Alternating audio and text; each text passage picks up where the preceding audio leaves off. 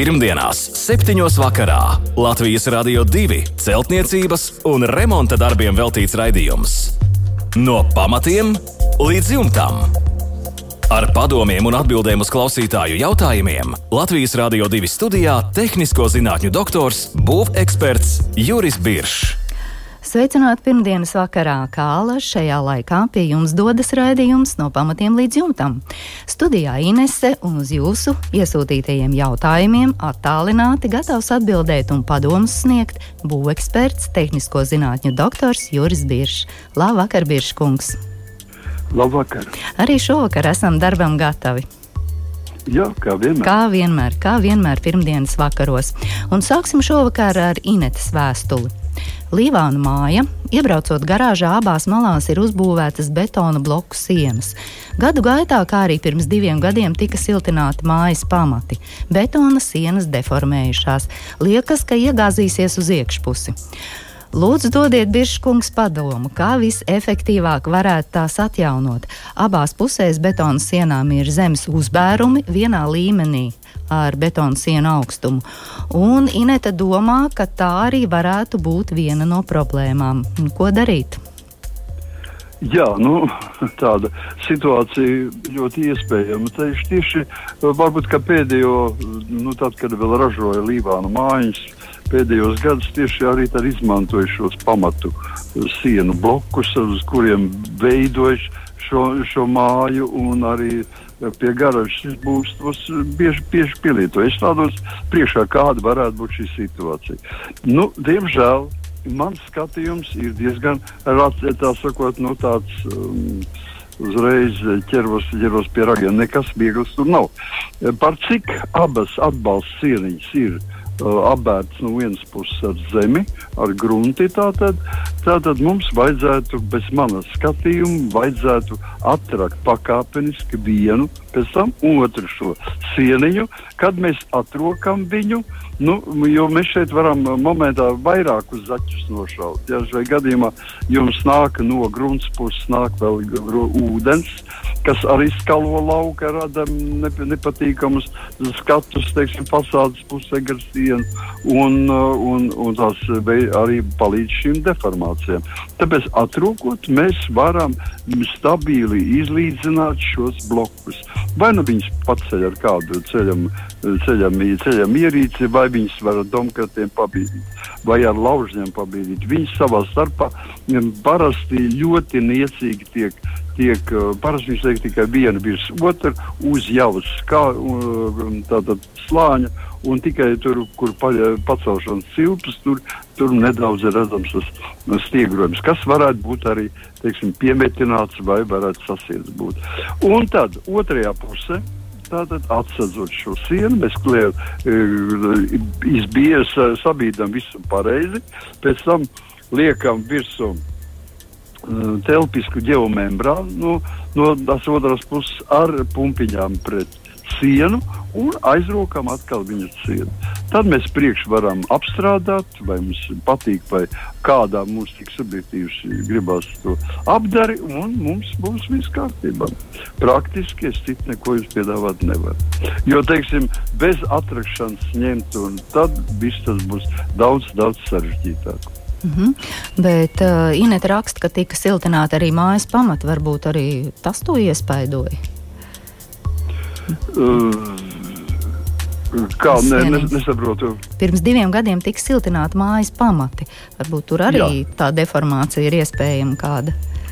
Nu, jā, izkustēšana no šeit gan vairāk, jūs stāties priekšā šeit, eh, cienījamie klausītāji, šeit ir betona. Uh, pamatu sienu bloki. Tie ir tādi apmēram pusotra pusmetra augstumā un 40 centimetru platumā un pusotra metra garumā.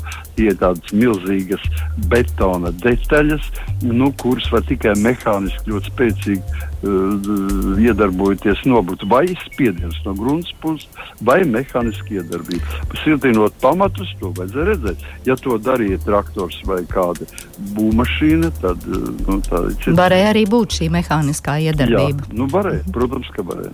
Jā, paldies par atbildi Inetai. Nākamais ir Armānda jautājums. Māja celta 20. gados, akmens pamati. Šobrīd pamatiem stūri ir atšķēlušies un izveidojušās daudz plaisas. Domājam atrakt, veidot metāla stiegrojumu un liet betonu. Vai tas ir pareizi? Un kāds ir minimālais betona biezums? Un kā arī nodrošināt hidroizolāciju? Un perimetrs ir apmēram 22 x 10 metri. Un vēl būtisks jautājums, cik garu posmu, pamatu posmu ir droši atrakt vienā piegājienā? Jā, nu, šeit ir iecerēti lieli darbi. Es domāju, ka druskuļi vajadzētu tomēr uh, padomāt pirms tiem darbiem ķeramies klāt. Jūsu situācija, kad atkrīt pakši, ir ļoti raksturīga. Jebkurai mājai, kurai nav uh, pareizi izveidot ūdens noteku, rene un vertikālās pie stūriem parasti izvietotās vertikālās ūdens notek caurumus. Viņas laiž ūdeni tieši pie mājas tiešā mājas tūmā. Tātad ūdens plūst no jumta. Par renēm nonāk līdz paksim, tur ir vertikālā uh, caurule, un turpat pie, pie pamatiem viņš izlaiž to ūdeni ārā. Apmēram desmit gadu laikā jums noteikti atkritīs šis paksis. Ja? Viņš skalo, šie ūdeņi skalo ārā grunti, un tas, um, teiksim, tas, tas uh, mājas paksis viņš it kā uzkarās gaisā un viņš atlūst. Ja? Tāpēc pēc tam veidojas vesela plaisu sistēma tālāk un rodas diezgan bēdīgs skats, kā arī raksta Armāns. Tātad, kas mums būtu jādara? Pirmkārt, izveidojam pareizus atjaunojam tātad, lietas ūdens novadīšanas sistēmu jumtam, teknes, horizontālās, vertikālās. Vertikālā nevis izlaiž ūdeni pie pamatnes, bet izlaiž to tādā piltuvs veida paplašinājumā, un tas tiek caur um, zem grunts aizvadījis no vismaz 2-3 metru no ēkas projām. Tur, kur tas varētu lēni vienkārši izpro, iz, iztecēt. Pēc tam, pēc šādas jumta saviešanas kārtība, ierīkotas ūdens atvads no, no, no pamatiem, mēs varam ķerties pie pakša šo plaisu sašūšanas. Tātad mēs viņus vienkārši, eh, teiksim, ik pēc kādiem desmit centimetriem mēs varam griezt ar fleksi, veidot iegriezumus tieši perpendikulāri plaisai un viņus stiegrot ar, ar plasmasas stiega, stienīšiem un eh, līmēt ciet ar līmjavu. Tādā veidā mēs sašujam šos pamatus kopā, un arī tajās, kas pa starp izveidojušās plaisas gadījumā jāiet. Nu, tātad, kas ir, kam ir jāpievelk vislielākā uzmanība jāziet, tātad jā, jāveido. Ne, nekādā gadījumā nevajadzētu papildus vēl betonēt lielākus pamatus. Ja mēs savadām šo kārtībā, ar to viss ir pateikts. Ko citu vēl darīt? Atrakt, jā, to var darīt. Tikai pēc tam, kad viss jau savests kārtībā, tad vienā reizē atrūkot apmēram 3 metru garu posmu līdz pamatu pēdai vai līdz akmeņiem, kas tur ir apakšā, un ievietojam vertikālo drenāžu. Tā būs nodrošināšana pret, kur, kur arī, arī prasa pret hidroizolāciju. Tā pumpainā ja? Jā, pumpainā membrāna būs, būs drenāža ar pumpiņām pret sienu, ja visi mitrumi tātad satiecies apakšā pie, pie pamatu pēdas un iztvaikojot, viņi ceļās uz augšu, viņam brīva ejas starp membrānu starp sienu, un viņi pazūd. Ja? Tā tas nozīmē, ka mūsu māja ir visu laiku savs. Jā, paldies par atbildi Armandam. Lūdzu. Kārlis ir uzbūvējis gāzbetona 375 mm bloku ēku un jautā, kāda būtu labākā dekoratīvā apdare bez siltināšanas no ārpuses, lai siena nezaudētu tvaika caurlaidību. Gala vēlme - dekoratīvais apmetums. Kāds būtu pareizais sienas pīrāgs? Un Kārlis domā šādi: grunts, armējošā java plus siets, atkal grunts un tad dekoratīvā apdare kāda arī jautājums. Un vēl viens jautājums, bet pa priekšu atbildēsim uz šo. Jā, nu, šeit ir standarta situācija, un mums ir gādetons siena. Tātad ņemam vērā to, ka gādetons ir ļoti kaprīs un ļoti ūdeni mīlošs materiāls. Ja? Tas nozīmē, ka mēs nedrīkstam viņu neapmest, ne krāsot, ne darīt, pirms neapstrādājam virsmu. Jo virsmu gādetons iesūks sevī visus iespējamos mitrumus un šķidrumus. Tātad, lai aizsargātos pret to, pareizi mēs gāzbetona virsmu gruntējam. Gruntējam ar tā saucamo dziļumu grunti, tīfu grunti. Vienalga, kādas firmas, katra firma, kas piedāvā būvmateriālus, ražo vai, vai izplata sava, savu dziļumu grunti. Ja? Tādā, tā, tam nav nozīme, kāda viņa, mēs viņu gruntējam. Tālāk mēs veidojam stiegrojumu, jā, tas būtu vis, vispareizākais. Tātad veidojam plasmas sietiņu, kurš tiek stiprināts lūk pie šīs izveidotās. Daži arī ar, ar gruntējušo sastāvu jau līmē šo sietiņu. Pareizāk būtu izveidot gruntējumu, pēc tam stiprināt šos, šos plasmas sietiņu, un mēs uznesam virsmu izlīdzinošo sastāvu, ar kuru palīdzību mēs izlīdzinām. Tas ir speciāls izlīdzinošais sastāvs. Ja mums, ja jums ir ļoti precīzas virsmas, un teiksim, nu, ļoti frēzētas betona virsmas, mums nekāds izlīdzināms nav vajadzīgs. Mēs nesam uzreiz virsmu dekoratīvo apmetumu.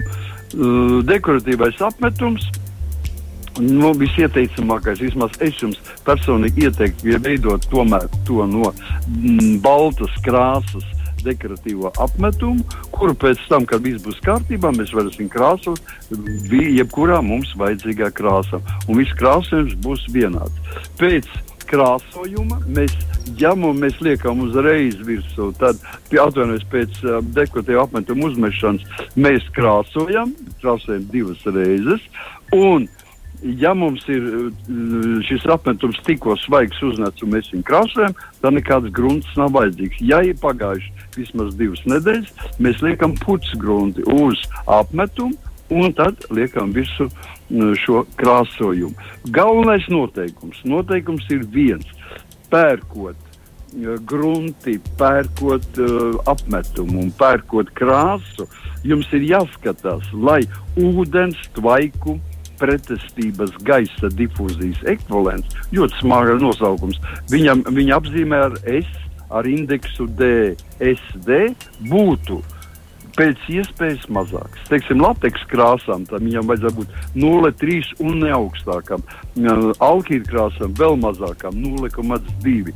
Un tātad tas norāda, vat, lūk, viņš norāda, kā metros to slāni kāds, kāds piemistu šim materiālam. Ja? Tas ir galvenais, lai mēs skatītos. Nevajag nekādā gadījumā nedrīkstam izmantot ar ļoti Tātad uh, ūdens necaurlaidīgus mm, krāsas nekādā gadījumā ne, ne, vajadzētu izvairīties no dažādu silikonu un, pla, un mm, nu, tātad, pol, polimerizācijas produktu plasmas krāsām. Ja? Vajadzētu mums veidot, lai būtu dabīgas minerāli apmetumi, dabīgi elpojuši ar, teiksim, ar, ar, ar, ar kaļķu piedāvām un krāsas tāpat, lai ļoti viegli varētu notikt mitruma apmaiņas process. Jā, ar zemu SD indeksu skaidrs. Jā, ar SD. SD zaps. Un vēl viens jautājums ir Kārlim par iekšējo apdari. Vai var gāzbetonu apmest ar cementa kaļķa javu? Vai ar laiku tā nenodrups, jo gāzbetons pēc stiprības ir vājāks par kaļķa cementa javu? Jā, jautājums ir pareizi to darīt var. Var to darīt, un, un tam nav nekādas, nekādas problēmas. Bet es personīgi ieteiktu neveikt iekšējo apmetumu. Ārējais apmetums ir ļoti dabīgs un viss kārtībā. Iekšpusē tomēr vajadzētu atdalīties. Manā skatījumā no gābetona iekšējo virsmu mēs apšūtu ar mīksto kokšķiedras plāksni, teiksim, 2,5 cm biezu. Mēs viņu varam līmēt, mēs viņu varam pievilkt ar, uz, uh, ar, ar dībeļiem, ar skrūvēm, mēs viņu varam dabūt klāt pie sienas. Un lūk, uz šīs mīkstās kokšķiedru plāksnes mēs veidojam vai nu tīra kaļķa apmetumu, vai māla apmetumu, kas ir ārkārtīgi uh, veselīgs un visnotaļ ieteikts materiāls. Un tad nekas nenodrups. Nu, nu, būs viss būs, kārtībā. Būs tā kā labi. Ja? Būs ļoti paaugstināta teiksim, šī komforta izjūta. Ja jūs atstāsiet apmetumu iekšpusē nu, uz, nu, uz gāzbetona, jums var rasties neliels diskomforts. Mm -hmm. Ir vērts ieguldīt šo papildus darbu. Es domāju, ka noteikti. Pirmdienās, 7. vakarā Latvijas Rādio 2 celtniecības un remonta darbiem veltīts raidījums. No pamatiem līdz jumtam. Ar padomiem un atbildēm uz klausītāju jautājumiem Latvijas Rādio 2 studijā - tehnisko zinātņu doktors, būveksperts Juris Biršs un redzējumu turpinājumā ar Rīnītas atsūtīto vēstuli. 1920. gadā celtai guļbūvēi no iekšpuses ir jāsiltina sienas. Māja no ārpuses apmūrēta ar ķieģeļiem, iekšpusē ir rīģipsis, zem tā acīm redzot ruberoīds. Kā rīkoties pareizi? Doma ir tāda: noņemt veco rīģipsi un ruberoīdu, apakšējo baļķu vainagu bojātās vietās nomainīt ar gāzbetonu. Koka baļķus likt inita baidās, jo mājā zem grīdas savulaik bija caurums apkurs caurulē, un laicīgi to neatklāja, un mājas grīdā iemetās sēne, kuras dēļ, diemžēl, nācās izmest visus grīdas dēļus. Sienas visticamāk ir skārtas tikai pirmajā vainagā, jo sēnei trūka mitruma. Un Inita raksta, domāju uz baļķiem likt rīģipša metāla profilu, to pildīt ar akmens vati, virsū vēja plēvi, tad rīģipsi un sienas krāsot. Un vēl jautājums, vai elektrības vadus šajā gadījumā var likt zem rīģipša. Nu, kā ir Birškungs, vai te viss ir pareizi? Nu, tā sakot, tomēr man tā liekas, ka galīgi pareizi nav. Tās domas ir, varētu dalīties un tur dažādi varianti, bet ieteiksim konkrēti, ko darīt. Tātad 1920. gada celta guļbūve ļoti paveca guļbūvīt, kurai jau ir tātad simts gadu. Un tātad es ļoti šaubos, vai zem rīķīša būs ruberoids iekšpusē. Parasti tur neliek. Ja liek ruberoids, tad liek to uz, uz ārpusi likt. Šajā gadījumā ārpuses ir, viņš varētu būt uz nu, koka baļķiem uzlikts virsū. Pirms mēs aplikām īsi ar ķieģeļiem. Tur viņš varētu būt. Un tur viņš varētu arī maz, bet viņš jau ir simts gadu vecs vai mazliet jaunāks, jo tos, tie ķieģeļi vēlāk tika aplikti tas nebūtu tik traģiski. Jautājums, ko darīt tālāk? Iekšā. Protams, ka mums ir jānoņem vecais rīķis, derētu to noņemt no un, un teiksim, apakšējos baļķus, kas ir bojāti. Es pilnībā piekrītu, ka viņus vajag apmanu nomainīt, un ne ar, ne ar koku. Pilnīgi pareizi. Šai gadījumā imitēja pareizi domu gaita, bet tikai ne ar gāzbetonu. Ja? Gāzbetons, kā jau mēs iepriekš tikko runā, runājām, gāzes ir ļoti mitrum uzsūcošs materiāls, un likt viņu pirmajā rindā pie, pie vainaga baļķa, pie tuvu, pie pamatiem, nekādā gadījumā nedrīkst likt. Tāpēc aizvietojam viņu ar fiboblokiem, ar keratēru blokiem, ar ķieģeļiem. Un lūdzu tās nu, to vīru pirmo rindu pakāpeniski var, vai divas, vai pirmo, vai pusotras rindas. Mēs pakāpeniski aizvietojam, izgriežam ārā un liekam tajā vietā uh, nu, attiecīgu minerālu materiālu. Tas ir par par to, lai uh, atjaunotu šos sienas. Es domāju, ka uh, svarīgi arī nākošais solis, par ko vēl Inīte nav domājis, ir tomēr aizpildīt to spraugu, kas veidojas starp ķieģeļiem un starp uzmūnu koka ēku. Vajadzētu tur sprauga noteikti ir tāpat ieģeļs pielikt klāt. Baļķiem nevar tikt tuvu. Un mm, šajā spraugā derētu viņu aizpildīt. Tas nozīmē, ka būtu papildus siltumizolācija. Aizpildīt ar ekovati. Ekovati jums iepildīs zem spiedienu. Un tas ir apmēram nu, pusstundas jautājums, un, un šis uh, ekšķi ir ievadīts. Tā ir papildus siltumizolācija, nekas no ārpuses nemainās. Tātad arī pietiekoši labi. Ja? Un kas attiecas par, par um, iekšējo uh, likt virsū uz, uz tātad uh, riģipšu metāla profīlus, likt virsū, pildīt ar akmens vati, virsū vēja plēvi, tad riģips, sienas krāsot, ir drusim par treknu, drusim par daudz.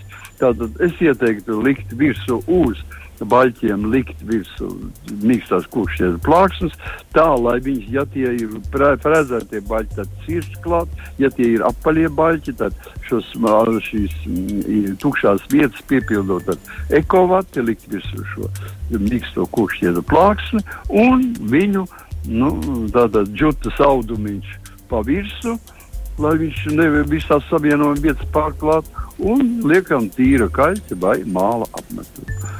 Elektriskos vadus var likt šai gadījumā, nu, es saprotu, te jautājumi prasa, vai atkārtot vēl riģips. Tātad var likt gan um, mīkstās kokšķiedru plātnē iekšā, veidot iegulu iedzinājumus un likt gan zem viņas. Jo elektrības vadi šajā gadījumā jau nebūs vecie vienkāršie vadi, bet viņi būs kabelīši. Mēs viņus saucam par kabelīšiem, kuri jau ir paredzēti šādiem nosaktiem darbiem. Jā, paldies par atbildīnitai. Savukārt Mārtiņam ir vairāk jautājumu. Viņš vēlas veidot apdzīvojumu bēniņu telpu un jautā, kā pareizi siltināt jumta slīpo daļu, mājas galus un kā pareizi izbūvēt griestus. Un Mārtiņš ir arī pievienojis savai vēstulē skici ir nesiltināts metāla jumta segums ar metāla loksnēm pilnā jumta augstumā, zem tā latojums un difūzijas plēve. Spāru biezums ir 10 cm, un šī daļa paliktu tukša visā spāru augstumā, ja tur veidotos mitrums, lai tas varētu aizplūst. No iekšpuses uz spārēm domāju skrūvēt kokšķiedras plāksnes 40 mm un vēl vienu plāksni 40 mm, pēc tam 30 cm. Šo telpu piepildīt ar beramo vati. Vai tā varētu būt jebkāda veida vata, vai tai jābūt ekovatē, jautā Mārtiņš.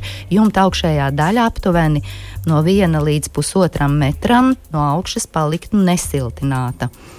Vai šādi būtu pareizi darīt? Jā, nu, ātri sekojot līdzi tā diezgan pagrūti visam tam izsekot, bet ļoti palīdz uh, zīmējums, kas ir pie, pievienots klāt, un mēs varam droši pateikt. Man ir maza neskaidrība. Jautājums ir par, par to, ka raksta, ka mums ir mm, metāla loksnes pilnā jumta augstumā.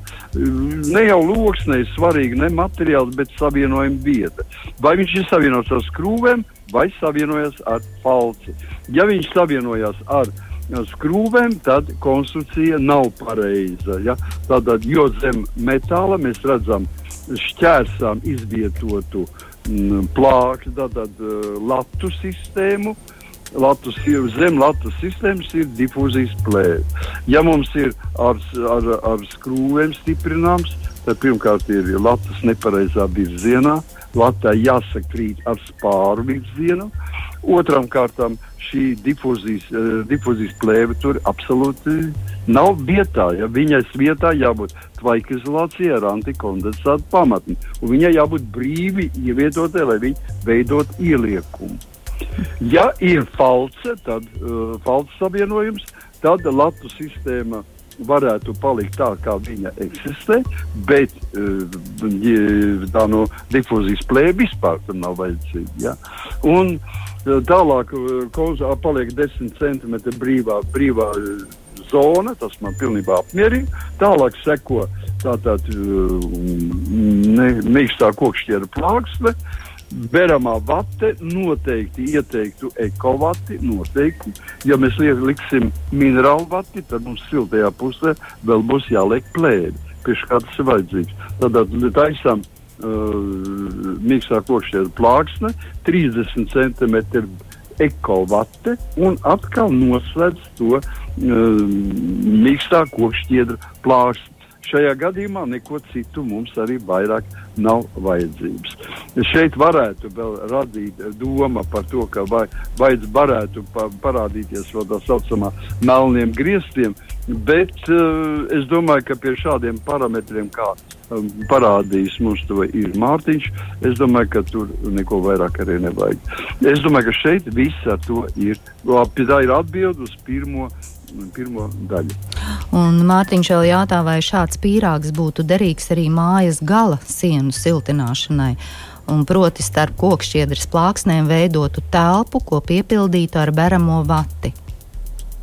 Jā, šāda, šāda konstrukcija pilnībā der. To var likt gan jumtam, kā mēs kā ir iecerējis Mārtiņš, un varam likt arī vertikālā virzienā absolūti tādu pašu.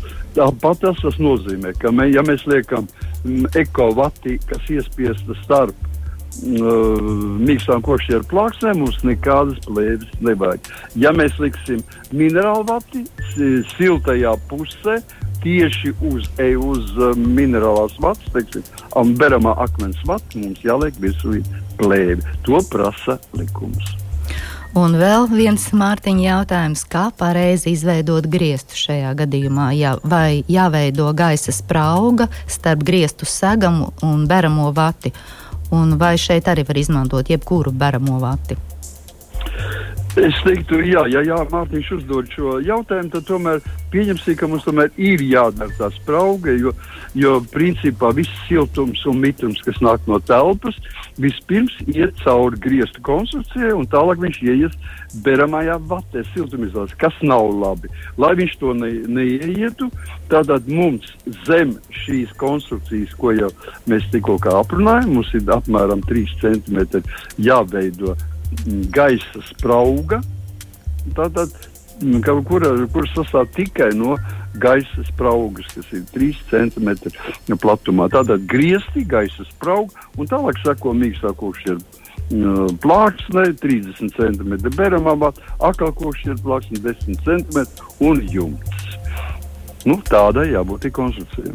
Jā, paldies par atbildēm Mārtiņam. Jautā klausītājs! Un nākamais klausītājs, eh, kurš ir atsūtījis mums jautājumu, tā ir Anna. Un Anna ir izvēles priekšā. Daudz dzīvokļu māja, pirmais stāvs. Kādas ieejas durvis dzīvoklim labāk izvēlēties? Metāla pildītas ar putu plastu vai akmens vati, vai labāk eh, smagas koka durvis? Nu, jā, Ko jūs izvēlētos, Biržkungs? Jā, es šajā gadījumā teikšu, kā es izvēlētos. Es noteikti izvēlētos, ja tikai ir dabūna es izvēlos smagas koka, pilnu koka durvis, kuras, teiksim, uh, nu, teiksim, lai viņas būtu siltas, jebkurā gadījumā no iekšpuses vēl tapsē. Tur var ar jebkuru siltumizolācijas materiālu, teiksim, ar akmens matu vai ar, ar aitas vilnu iztapsēt šīs durvis. Kas attiecas uz metāla, uh, un kas ir pildīts ar plastu un akmens vati, akmens vati tad nu, viņas lietot var. Viņas ir tomēr nedrošas pret zagļiem, kas šodien mums ar konservgriežamā var jums izgriezt tās durvis mierīgi ārā. Un otram kārtam arī pirmās un otrais stāvs, ja ir augstas kāpņu telpas, tad jums pie lieliem augstumiem var būt arī e, nepatikšanas ar aizslēgšanu. Ja? Tāpēc pildītas smagas koka durvis ar siltnēm no iekšpuses. Ir pati labākā izvēle. Jā, Jā. Paldies, Biržkungs, par ieteikumu Annai. Un pēdējā vēstule, ar kuru mēs arī noslēgsim šīs dienas raidījumu, ir no dzintara. 1971. gadā būvētāja mājai sienas ir no skaidrbetona. Mainot jumta segumu, vēlamies vienā pusē pacelt jumtu, lai izveidotu otro stāvu. Kādu svaru var noturēt skaidrbetona siena, un vai ir iespējams palielināt sienas izturību?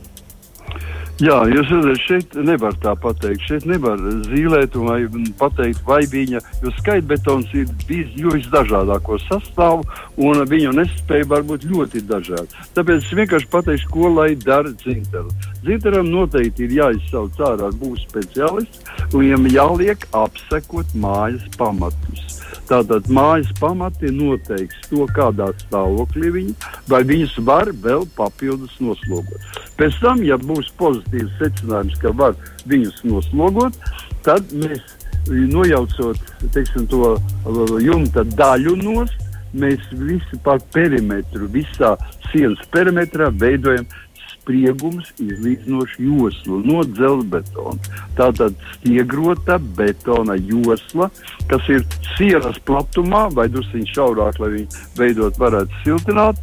Tātad tas, tā būs galvenā. Galvenais noteikums, lūk, lai mēs varētu izveidot vēl, vēl, vēl kādu pusi vai veselu stāvu vispusē. Ja?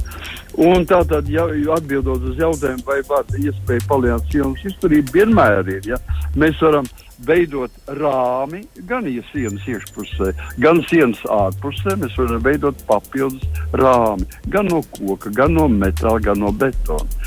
Un tādā tādā gadījumā teiksim, daļus, daļu no slodzes uzņem šis papildus rāmis. Otram kārtām mēs varam noteikti obligāti ja lietojam tātad eh, spriegums izlīdzinošo joslu, riņķi pa visu ēkas perimetru, īpaši tajā vietā, kur mēs paceļam stāvu skaitu. Un trešām kārtām mēs lietojam uh, virs šīs snieguma izlīdzinošās joslas tikai atvieglots materiāls. Tas nozīmē koku, uz koka bāzes veidots materiāls un ļoti retos gadījumos teiksim, tāda kā ļoti viegls gāzbetons. Nu, samazinām svaru uz maksimāli.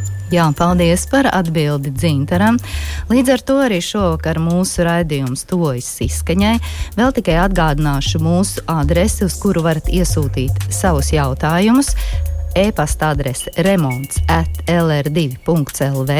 Varat sūtīt arī jautājumus, izmantojot mūsu Latvijas Radio 2 mājaslapu un mūsu raidījumus atkārtojumā meklējiet Latvijas radio arhīvā, kā arī izmantojiet savus iecienītākās podkāstu platformas.